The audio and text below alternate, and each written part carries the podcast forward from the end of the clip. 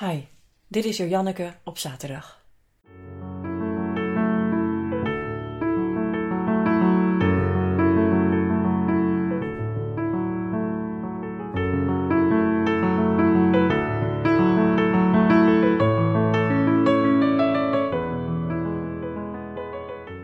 Wat is dat toch met challenges? Klik een willekeurige Facebookpagina of zakelijk Instagram-account aan en je ziet ze voorbij vliegen. Challenges. Een paar dagen achter elkaar een aantal opdrachten doen. Soms zijn het zakelijke marketingacties, zoals het opstellen van je ideale e-book-weggever voor de marketing van je business. Soms is het een challenge die wat meer is gericht op je persoonlijke ontwikkeling. Of gaat het over styling? 40 dagen achter elkaar een andere outfit dragen om herhaling te voorkomen. Maar wat het ook is, ik wil even terug naar de oorspronkelijke betekenis van het woord challenge. Challenge is natuurlijk een Engels woord, dus ik heb gekeken in de Engelse woordenboeken. The definition of a life challenge the situation of being faced with something that needs great mental or physical effort in order to be done successfully and therefore tests a person's ability. Kortom, iets dat mentaal of fysiek zwaar is en waar je echt je best voor moet doen om het te kunnen volbrengen. De Oxford Languages Dictionary zegt: Het is een call to someone to participate in a competitive situation or fight to decide who is superior in terms of ability or strength. Dus dat is eigenlijk meer een wedstrijdje. Wie is de sterkste in de competitie? In een zin zou je dan zeggen: He accepted the challenge. Hij accepteerde de uitdaging. Kortom, een challenge is een grote uitdaging onder moeilijke omstandigheden. Vorige maand keek ik documentaire over de missie van de Challenger in 1986. Een paar minuten na de lancering van de raket ontplofte deze in de lucht. Ik was toen elf jaar oud en ik zag het op televisie. Iedereen zag het gebeuren op klaarlichte dag. Een ramp. De challenge was mislukt en mensen stierven. Challenger. Het woord leek het lot al te tarten. Maar even terug naar die online challenges. Voldoet de gemiddelde online challenge daar wel aan? Aan mega grote uitdagingen? Ik denk dat ons leven in het algemeen vandaag, in 2020, eerder tot challenge gerekend kan worden dan het schrijven van een e-book als weggever op je website of een stylingvraagstuk. Het kan er weer wel zo zijn dat je je aangespoord kunt voelen tot actie als je uitgedaagd wordt in positieve zin. Het gamification element, het maken van een spelletje, van een actie, kan je dan aansporen tot daden. En misschien zelfs tot competitie. Want een challenge is een uitdaging.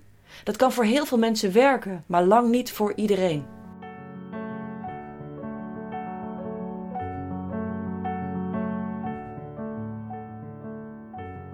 En dat is dus ook eerlijk gezegd meteen waar ik een beetje een akelig gevoel bij krijg.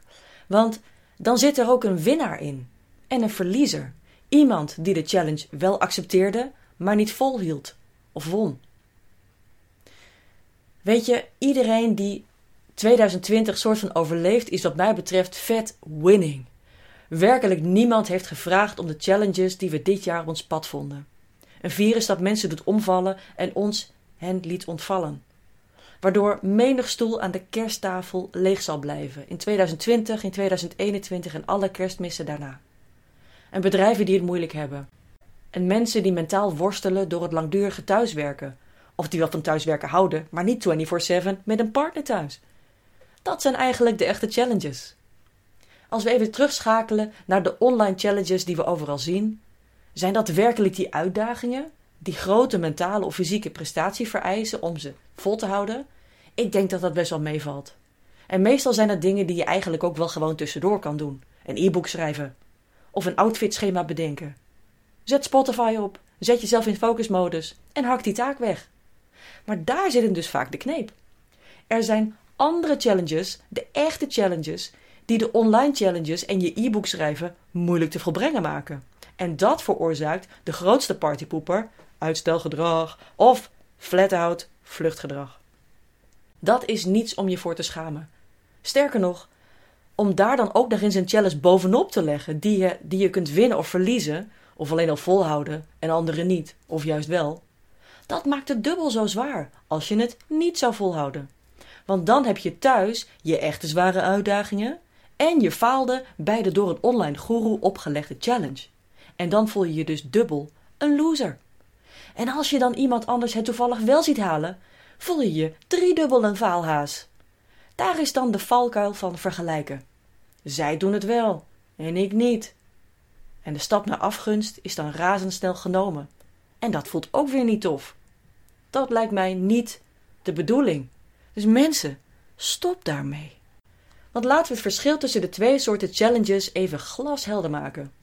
Een challenge in de oorspronkelijke betekenis van het woord is een uitdaging die grote mentale of fysieke prestatie van je vereist. Kalibertje overleven op een onbewoond eiland of met je hele ADHD-gezin opgehokt zitten met kerst terwijl je relatie al niet gezellig meer was. Of corona krijgen en je bedrijf in rook zien opgaan.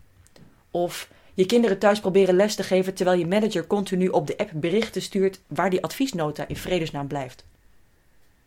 Een challenge in de online actiebetekenis van het woord is een marketingactie om je aan te zetten tot interactie met je bedrijf, zodat je mogelijk iemands product of dienst koopt. Marketing. Even heel erg kort door de bocht is dat wat het is. Laten we het dan ook zo noemen. De volgende keer als je leest: Doe mee aan een challenge, zie er dan doorheen. Hier heb je een voorproefje van mijn product. Als je het wil, haak dan aan. Dan kun je het misschien daarna ook kopen niets ten nadele van het product of de dienst. Want misschien is die wel kick-ass goed en hartstikke leuk. Maar ik denk maar zo. Misschien is het tijd om het platgelopen paadje van challenges even te laten varen. En creatievere manieren te bedenken om je diensten te verkopen. Een manier waarbij deelnemers zich super voelen. Helemaal in 2020. Of ze nu voldoen aan de opdrachten die jij verzint, of niet. Dan wordt het bijvoorbeeld een e-bookfeestje of een styling party. Feestjes zijn leuk. Daar wil je je ook voor optutten en je beste beentje voor zetten. Want vrijwel iedereen heeft nu te maken met de echte challenges in je leven. Ik wens je een ontspannen week toe, met minder uitdagingen en meer zegeningen, groot en klein. Fijn weekend.